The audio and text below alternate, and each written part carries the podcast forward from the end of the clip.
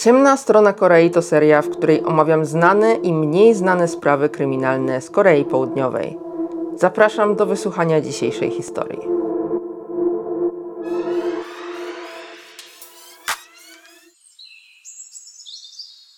Góry, pagórki i wzniesienia stanowią 70% powierzchni Korei Południowej. Chodzenie po górach jest więc bardzo popularną formą spędzania czasu w Korei, również wśród dzieci. Nic więc dziwnego, że piątka chłopców, mieszkańców Daegu, w wieku od 9 do 12 lat, właśnie w ten sposób postanowiła spędzić dzień wolny od szkoły. Znajdujemy się na zboczu góry Wariong, na północnym zachodzie miasta Daegu. Rankiem 26 marca 1991 roku, a więc 30 lat temu, piątka chłopców z Daegu wyruszyła, by właśnie na stoczach tych gór szukać jaj salamander. Z tej wyprawy nigdy nie wrócili. Zapraszam Was na wysłuchanie tajemniczej historii żabich chłopców z Degu. Witam na kanale Pyra w Korei. Dziś kolejny odcinek z serii Ciemna strona Korei, a zarazem pierwszy z tej serii, który jest sprawą nierozwiązaną do dziś. 26 marca 1991 roku był bardzo ważną datą w historii Korei. Pomimo iż był to wtorek, dzień roboczy, był to dzień wolny od pracy. A stało się tak dlatego, ponieważ przeprowadzone były pierwsze od lat, od ponad 30 lat wybory lokalne. Dorośli szli głosować, a dzieci cieszyły się z dnia wolnego od szkoły i nie inaczej było z szóstką przyjaciół z północno-zachodniego Daegu. Tego dnia około 8 rano 12-letni Wu Chorwon, 11-letni Cho Hyo-yeon, 10-letni Kim Yong-gyu, 9-letni Park Chan-in, 9-letni Kim Tae-ryong oraz 9-letni Kim Jong-sik bawili się w okolicy domu Hoyona. Ich rodzice mówili, że chłopcy byli praktycznie nierozłączni, że byli to tacy muszkieterowie, byli bardzo blisko związaną ze sobą grupą przyjaciół. W tym czasie w domu Cho Hoyona mieszkała osoba, która wynajmowała pokój od rodziców Hoyona. I w tym czasie, kiedy chłopcy bawili się przed domem, ta osoba wyszła i powiedziała im, że zachowują się za głośno i mają bawić się gdzie indziej. Kim Tae-ryong, który nie jadł jeszcze śniadania, odłączył się w tym czasie od grupy i tak oto piątka chłopców udała się na poszukiwania jaj salamander na górze Waryong-san. Uzbrojeni byli w patyki do chodzenia oraz puszki po sproszkowanym mleku, e, do których mieli właśnie zbierać jajka. U zbocza góry spotkali starszego brata Huyona, Mujona. Przekazali mu, że idą właśnie na górę Waryong-san szukać jaj salamander i że wrócą przed obiadem. Po tym spotkaniu było jeszcze kilka osób, które widziało chłopców, jak podążają na górę Waryong-san, między innymi Adjuma, taka pani w średnim wieku, która wracała właśnie z głosowania do domu, który znajdował się w wiosce u podnóża góry. Mówiła ona, że widziała chłopców, jak właśnie idą w stronę góry i rozmawiają między sobą i usłyszała właśnie, jak mówią, że czy uda im się w ogóle zdążą y, wrócić z góry w ciągu dwóch godzin, żeby zdążyć na obiad. Jednak najważniejszym, a zarazem chyba najbardziej przerażającym wyznaniem było późniejsze zeznanie dziesięcioletniego Ham Seung-huna, który chodził do tej samej szkoły podstawowej co reszta chłopców. Powiedział on, że w tym samym czasie również on poszedł e, na górę Wanyonsang razem ze starszymi kolegami, żeby również szukać jaj salamander, tylko że w pewnym momencie odłączył się od grupy i około 11.30 rano usłyszał dwa ostre, przerażające krzyki. Dokładnie w tym momencie matki Kim Jong-sika i Kim Jong-yu poczuły, że coś je ściska za serce takie zbliżające się niebezpieczeństwo. Dowiedziały się wtedy, że chłopcy poszli na górę szukać jaj salamander i tak sobie stwierdziły do siebie, że jak chłopcy wrócą z tej wyprawy, to trzeba ich będzie porządnie zbesztać. Chłopcy jednak nigdy nie wrócili z tej wyprawy. Ich zaginięcie zgłoszono tego samego dnia wieczorem. Wcześniej rodzice sami próbowali szukać dzieci gdzieś na górze Warrington, a kiedy to nie dało żadnych efektów, zgłosili się na policję i razem z policją do trzeciej nad ranem tego dnia próbowali szukać swoich dzieci. Nikogo jednak nie znaleźli, nie znaleźli nawet śladów gdzie mogli znajdować się ci chłopcy. Sprawa oczywiście stała się bardzo medialna. Chłopców okrzyknięto i stąd wzięła się nazwa żabimi chłopcami. Stało się tak dlatego, ponieważ w mediach okrzyknięto ich właśnie żabimi chłopcami, ponieważ mówiono, że chłopcy szli szukać jaj żab, nie jaj salamander, ponieważ jaja salamandry, ogólnie salamandra jako stworzonko, nie była aż tak znana we wszystkich regionach Korei i obawiano się, że dzieci koreańskie, które usłyszą tę historię, będą będą się niepotrzebnie bać i że będą kojarzyć salamandrę z jakąś taką mityczną kreaturą, którą trzeba, której trzeba się bać. Dlatego zamieniono salamandrę na żaby i stąd wzięli się żabi chłopcy. W każdym razie taka była geneza nazwy żabi chłopcy po koreańsku Geguri Sonyeon, ale w całej historii nie znajdziemy żadnych żab. Od tego czasu przez kolejne 5 lat ponad 300 tysięcy osób przeszukało górę Waryongsang i okolice 48 razy. Przeprowadzono ponad 1000 inspekcji ośrodków socjalnych i ugrupowań religijnych, a także odwiedzono ponad 11 tysięcy domostw w celu przeszukania ich. Śledztwo nie obyło się jednak bez e, swoich własnych problemów. Policja bez jakiegoś większego powodu czy zbadania głębszego sprawy uznała, że chłopcy po prostu uciekli z domu z powodu niedobrej sytuacji rodzinnej. Grupa dziesięcioletnich, tam 9 do 12 lat chłopców. No dobrze. Sprawa nabrała takiego rozgłosu, że dotarło to nawet do ówczesnego prezydenta Korei Południowej Notył, który wspomniał o żabich chłopcach we swoim przemówieniu. Ustanowiono oczywiście nagrodę za znalezienie chłopców wysoką jak na tamte czasy, a poszukiwania trwały nie tylko w Degu i okolicach, ale w całym kraju. Tak naprawdę rodzice chłopców y, praktycznie zwolnili się z pracy i szukali swoich dzieci w całym kraju, zjeździli cały kraj, wynajęli specjalną ciężarówkę oklejoną właśnie zdjęciami chłopców i numer, numerem telefonu, na który można było dzwonić, żeby zgłaszać jakiekolwiek informacje, jeżeli ktokolwiek coś wiedział o chłopcach. Rozdawali ulotki na dworcach, w miejscach publicznych i myślę, że te rozpacz rodziców można dobrze zobaczyć na dwóch filmach, które powstały na podstawie tych wydarzeń. Jeden z 92 roku, a drugi z 2011.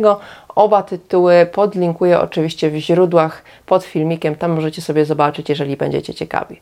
W sprawę zaangażowało się też wiele dużych firm, e, a zdjęcia dzieci z ich twarzami Pojawiały się na kasetach magnetofonowych, na kasetach wideo, na paczkach papierosów, na kartach do telefonu. Naprawdę pojawiali się wszędzie. W późniejszych latach wyemitowano nawet programy telewizyjne poświęcone w całości żabim chłopcom. Ustanowiono specjalne linie telefoniczne, na które można było dzwonić z informacjami i dzięki temu sprawa nabrała jeszcze większego rozgłosu i te linie były zajęte wręcz cały czas, po prostu dzwoniły nieprzerwanie. Niestety wiązało się to też z fałszywymi zgłoszeniami i wyobraźcie sobie teraz e, rodziców, mamę jednego z chłopców, która odbiera telefon, a tam dziecięcy głosik mówi, że mamo, mamo, to ja, Jongsik i, i potem no, okazuje się, że to nie był właśnie jej syn. Pewna 40-letnia kobieta zeznała nawet przed sądem, że to ona zwabiła i zabiła chłopców, jednak okazało się to nieprawdą.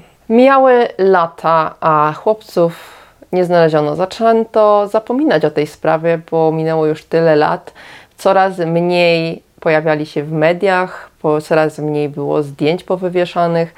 Nawet rodzice, przynajmniej niektórzy, powrócili do swoich prac, bo no, nie mogli się utrzymać z tego, że tylko jeździli po kraju i szukali swoich dzieci. I na tym właściwie zakończyłaby się ta historia.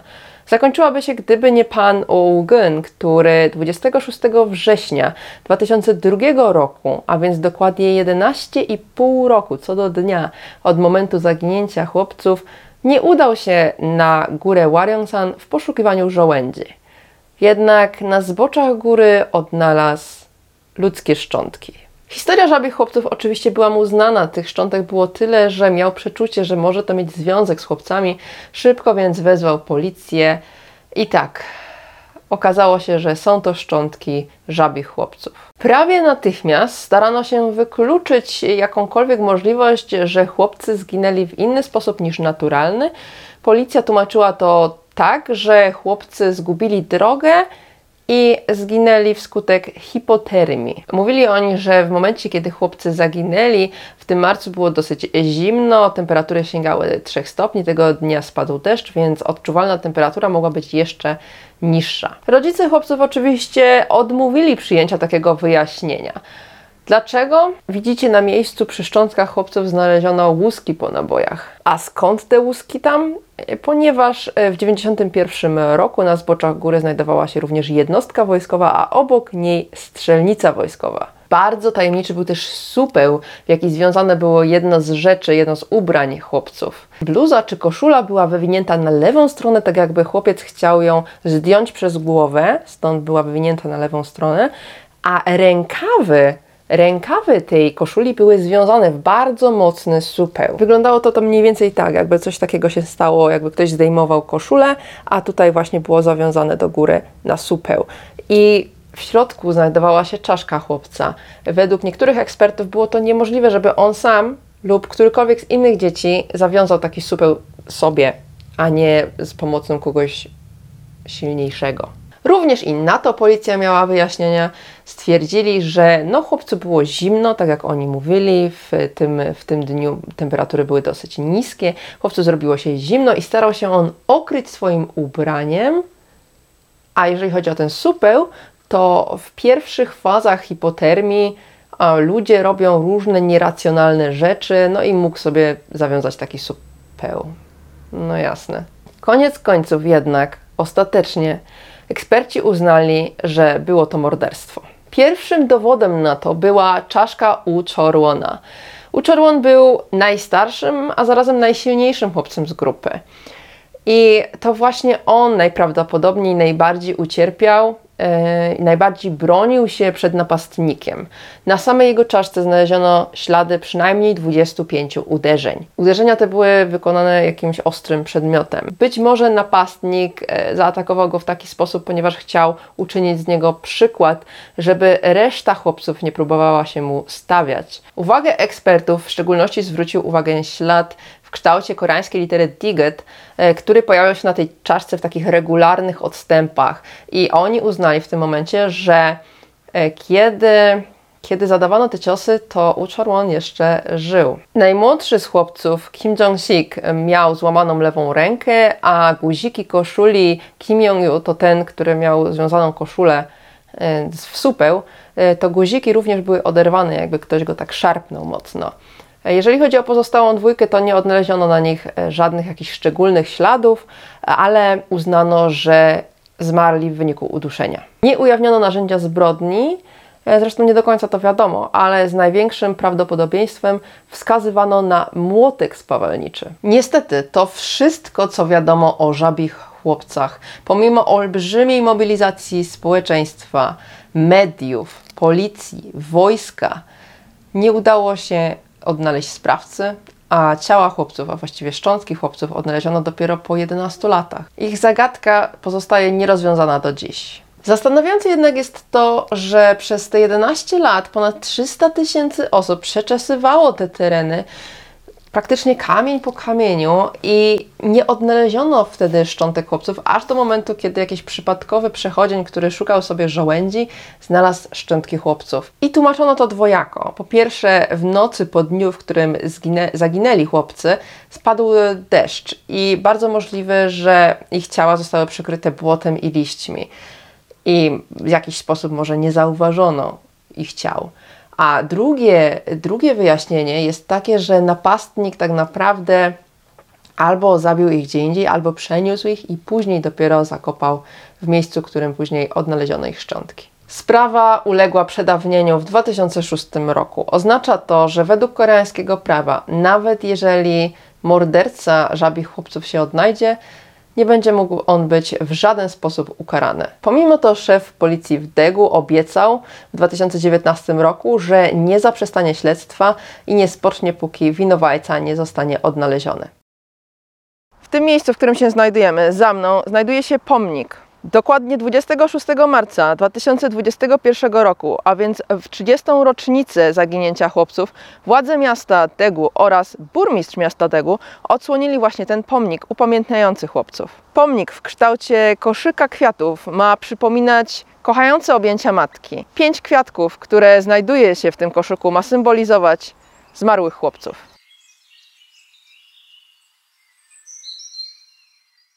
Na koniec przejdźmy może do teorii spiskowych, no, teorii tego, jak chłopcy zginęli, co się tak naprawdę stało, bo przez lata tych teorii no, trochę się nazbierało. Teoria pierwsza to teoria, którą już troszeczkę omówiłam, teoria śmierci naturalnej i to była teoria podtrzymywana przez policję najpierw po zaginięciu chłopców, a później nawet wtedy podtrzymywana podczas e, gdy znaleziono już szczątki chłopców. Według nich chłopcy po prostu zgubili drogę, e, później spadł deszcz, wyziębili się, wychłodzili i zmarli. Teoria zgubienia drogi nie miała dla rodziny i osób mieszkających w okolicy najmniejszego sensu, przynajmniej tak twierdzili, ponieważ dobrze widoczna była wioska czy też bloki um, zamieszkiwane przez wojskowych, które znajdowały się w okolicy. Policja natomiast argumentowała to tym, że pewne rejony góry porastał bardzo gęsty las i chłopcy mogli nie zauważyć tych świateł. Tych świateł było o wiele mniej niż na przykład w 2002 roku, kiedy później to sprawdzano, czy na przykład teraz. Rodziny oczywiście się z tym nie zgadzały, twierdzili, że E, chłopcy bardzo dobrze znali te okolice i nie było mowy o tym, żeby oni zgubili drogę po prostu. Zresztą e, mówiłam o tym, że wyświetlano programy telewizyjne i w jednym z tych programów, to jest bardzo znany program, który właśnie praktycznie od 30 lat jest na antenie telewizji koreańskiej, w takim programie zrobiono taki eksperyment, gdzie wysłano na tę górę grupę chłopców właśnie w wieku podobnym do żabich chłopców i kazano im odnaleźć e, drogę z powrotem, nawet w ciemności i ci chłopcy po prostu bezproblemowo znaleźli drogę do domu. Także no, ta teoria jest taka troszeczkę, wiecie. Druga teoria to teoria zbłąkanego pocisku. Ponoć w 2002 roku pewien Pucybut z Degu usłyszał pewną historię od jednego ze swoich klientów. Otóż w jednostce wojskowej znajdującej się na górze Warionsan w 1991 roku zdarzył się wypadek. Nagle z zarośli wyskoczyła piątka chłopców i żołnierz będący wtedy na służbie przypadkowo zastrzelił dwóch z nich. Jednego postrzelił śmiertelnie, drugiego ranił. I żeby zatuszować tę sprawę, zabito całą piątkę. Ze względu na bliskość tej jednostki wojskowej oraz strzelnicy do miejsca, w którym znajdowały się szczątki, gdzie, gdzie znaleziono szczątki chłopców w 2002 roku, ta teoria zbłąkanego pocisku, e, czy w ogóle tego, że ich śmierć była jakby związana z wojskiem w jakiś sposób, wydawała się rodzinie e, chłopców jakby najbardziej prawdopodobna. Świadczyć o tym miały puste pociski, które znaleziono przy szczątkach chłopców, czy ten supeł, ten tajemniczy supeł, który został zawiązany w tak fachowy sposób, oraz to, że jedne, jednej osobie, nawet silnemu mężczyźnie, bardzo ciężko byłoby zabić pięciu chłopców bez broni palnej. Jednak i ta teoria miała swoje luki, mianowicie dzień, w którym chłopcy zaginęli, był dniem wolnym i w tym czasie nie było żadnych ćwiczeń na strzelnicy. Poza tym nikt nie słyszał e, odgłosów wystrzałów, a odgłosy wystrzałów są dosyć głośne. E, nie było też żadnych śladów, żeby chłopcy weszli na strzelnicę. Tak jak mówię, przeszukiwano całe tereny, a na strzelnicę nie można było sobie od tak po prostu wejść, podobno była ogrodzona. Teoria numer 3 teoria ojca zabójcy. Ta teoria, propagowana silnie w 1996 roku przez psychologa kryminalnego Kim Kawona, to ojciec jednego z chłopców, Kim Jong-sika, zabił całą piątkę. Tak naprawdę oni nie poszli na żadną górę, nie było żadnego chodzenia w góry, tylko on ich zabił, po czym poćwiartował i zakopał na własnym podwórku. Z tego też powodu ponieważ ten psycholog tak usilnie twierdził, że to jest słuszna teoria, wręcz przekopano całe podwórko i dom e, państwa Kim.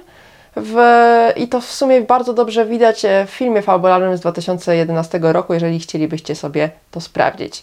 Oczywiście niczego nie znaleziono. Pan, państwo Kim, jak i zresztą wszyscy rodzice chłopców byli oburzeni, wszyscy mieszkańcy okoliczni byli oburzeni po prostu, co ten psycholog odwala. I w sumie e, psycholog został zwolniony z pracy, został skreślony z listy ze Stowarzyszenia Psychologów Koreańskich, także no, ta teoria też była sobie taka o. Czwarta już teoria to teoria zbirów z góry Waryeongsan. Jeżeli pójdziecie na koreańską górę teraz, albo na jakiś wzgórek, pagórek, to większość tych e, gór została przekształcona w Korei w parki, wszystko jest ładnie oświetlone, są dróżki wyznaczone, są kamery, że wszystko jest obserwowane. Jednak w 1991 roku taka góra jak Waryeongsan była praktycznie nietknięta przez człowieka, e, w pewnych okolicach nawet bardzo gęsto zalesiona i dlatego była preferowanym miejscem spotkań dla takich jakby to powiedzieć, szemranych osób. Jeżeli chodzi o licealistów czy studentów na przykład, to szli oni tam pić alkohol, palić papierosy, czy wdawać się w bójki. W internecie pojawiło się wyznanie jednej z takich osób, która mieszkała w tamtej okolicy, troszeczkę starszy był od e, chłopców, ale mówił, że to mniej więcej tak działa, że osoby, które tam chodziły, te szemrane osoby, lubiły się znęcać nad dziećmi, które często sobie chodziły na górę właśnie, czy to szukać e, jaj, czy szukać pustych łusek po nabojach. No, w każdym razie lubiły się znęcać nad takimi dzieciakami i tutaj wysunął taką teorię, że to właśnie mogło spotkać chłopców, e, żabich chłopców, że oni spotkali taką grupę ludzi i mm, zaczęto się nad nimi znęcać i w wyniku tego, pomimo że nie było to zamierzeniem tej grupy być, być może, jeden z chłopców albo więcej po prostu zmarło i żeby to zatuszować, zabito całą piątkę. Kolejna teoria to teoria nauczyciela mordercy. Tutaj głównym dowodem było to, że według ekspertów jednej osobie bardzo trudno byłoby zabić piątkę ruchliwych chłopców, ponieważ złapałby jednego czy dwóch, to reszta by uciekła po prostu i dlatego jednej osobie byłoby bardzo ciężko e, coś takiego wykonać, a nauczyciel, zwłaszcza nauczyciele w latach 90. w Korei mieli bardzo duży autorytet i posłuch wśród dzieci i dlatego mógłby po prostu bez jakiegoś większego przymusu czy bez przemocy no, rozkazać im być po prostu na miejscu i się nie ruszać i dzieci by posłuchały. Poza tym w Korei jest tak, przynajmniej było tak, że nauczyciele często zmieniali miejsce pracy, więc przenosili się z jednej szkoły do drugiej, więc jak, tak jakby naturalnie taki morderca opuściłby miejsce swojej zbrodni. Jednak na tą teorię nie znalazłam większego poparcia w źródłach, była ona tylko tak wspomniana mimochodem. E, też zawiera dużo luk, no bo ci chłopcy byli w różnych klasach, nawet jeżeli jednym, jednym był po prostu nauczyciel jednej klasy, no to niekoniecznie tej drugiej, dlatego i nie było w ogóle żadnego wspomnianego nauczyciela, któż to mógł być, także no, ta teoria jest też taka, jest sobie o. Poza tym były też jeszcze inne teorie, na przykład, że jednego z chłopców zabił pies, ponieważ e, tam była taka ferma psów chyba, gdzieś u zboczu gór i że mm, żeby zatuszować to, że pies zabił e, jednego z chłopców, to właściciel tych, tego, tych psów e, zabił też resztę żeby, żeby tutaj się to nie wydało. Była też na przykład e, teoria taka, że chłopców zabił szpieg z Korei Północnej. Niestety, są to tylko teorie. Minęło już 30 lat od zaginięcia chłopców, prawie 20 odkąd e, odkryto ich szczątki na zboczach góry Warionsan. A my nadal nie wiemy, co się tak naprawdę stało. Czy był to wypadek, tak jak twierdziła na początku policja, czy było to morderstwo? A jeżeli było to morderstwo, to kto zabił żabich chłopców? I przede wszystkim dlaczego? Jak zwykle dajcie znać w komentarzach, co wy myślicie o tej sprawie, która teoria wydała wam się być może najbardziej prawdopodobna, a może podczas słuchania tego materiału w waszych głowach narodziły się jakieś pytania, jakieś kwestie, które warto byłoby poruszyć, e, jeżeli chodzi o żabich chłopców koniecznie zostawcie komentarz pod spodem. Tak jak wspomniałam, policja obiecała, że nie poprzestanie szukać winowajcy, osoby odpowiedzialnej za śmierć chłopców. Dlatego też, jeżeli cokolwiek ruszy w tej sprawie, jeżeli cokolwiek zostanie odkryte, to na pewno dam Wam znać. Jeżeli nie tutaj, to na Instagramie lub Twitterze, tam Was również zapraszam. Do tego czasu dziękuję Wam za wysłuchanie tej tajemniczej, ale zarazem tragicznej historii piątki żabich chłopców z Degu. Zachęcam Was do zostawienia lajków i komentarzy, a jeżeli jeszcze tego nie robicie, to będzie mi bardzo miło, jeżeli będziecie subskrybować ten kanał, żeby nie przegapić kolejnych odcinków z serii Ciemna Strona Korei. Do zobaczenia.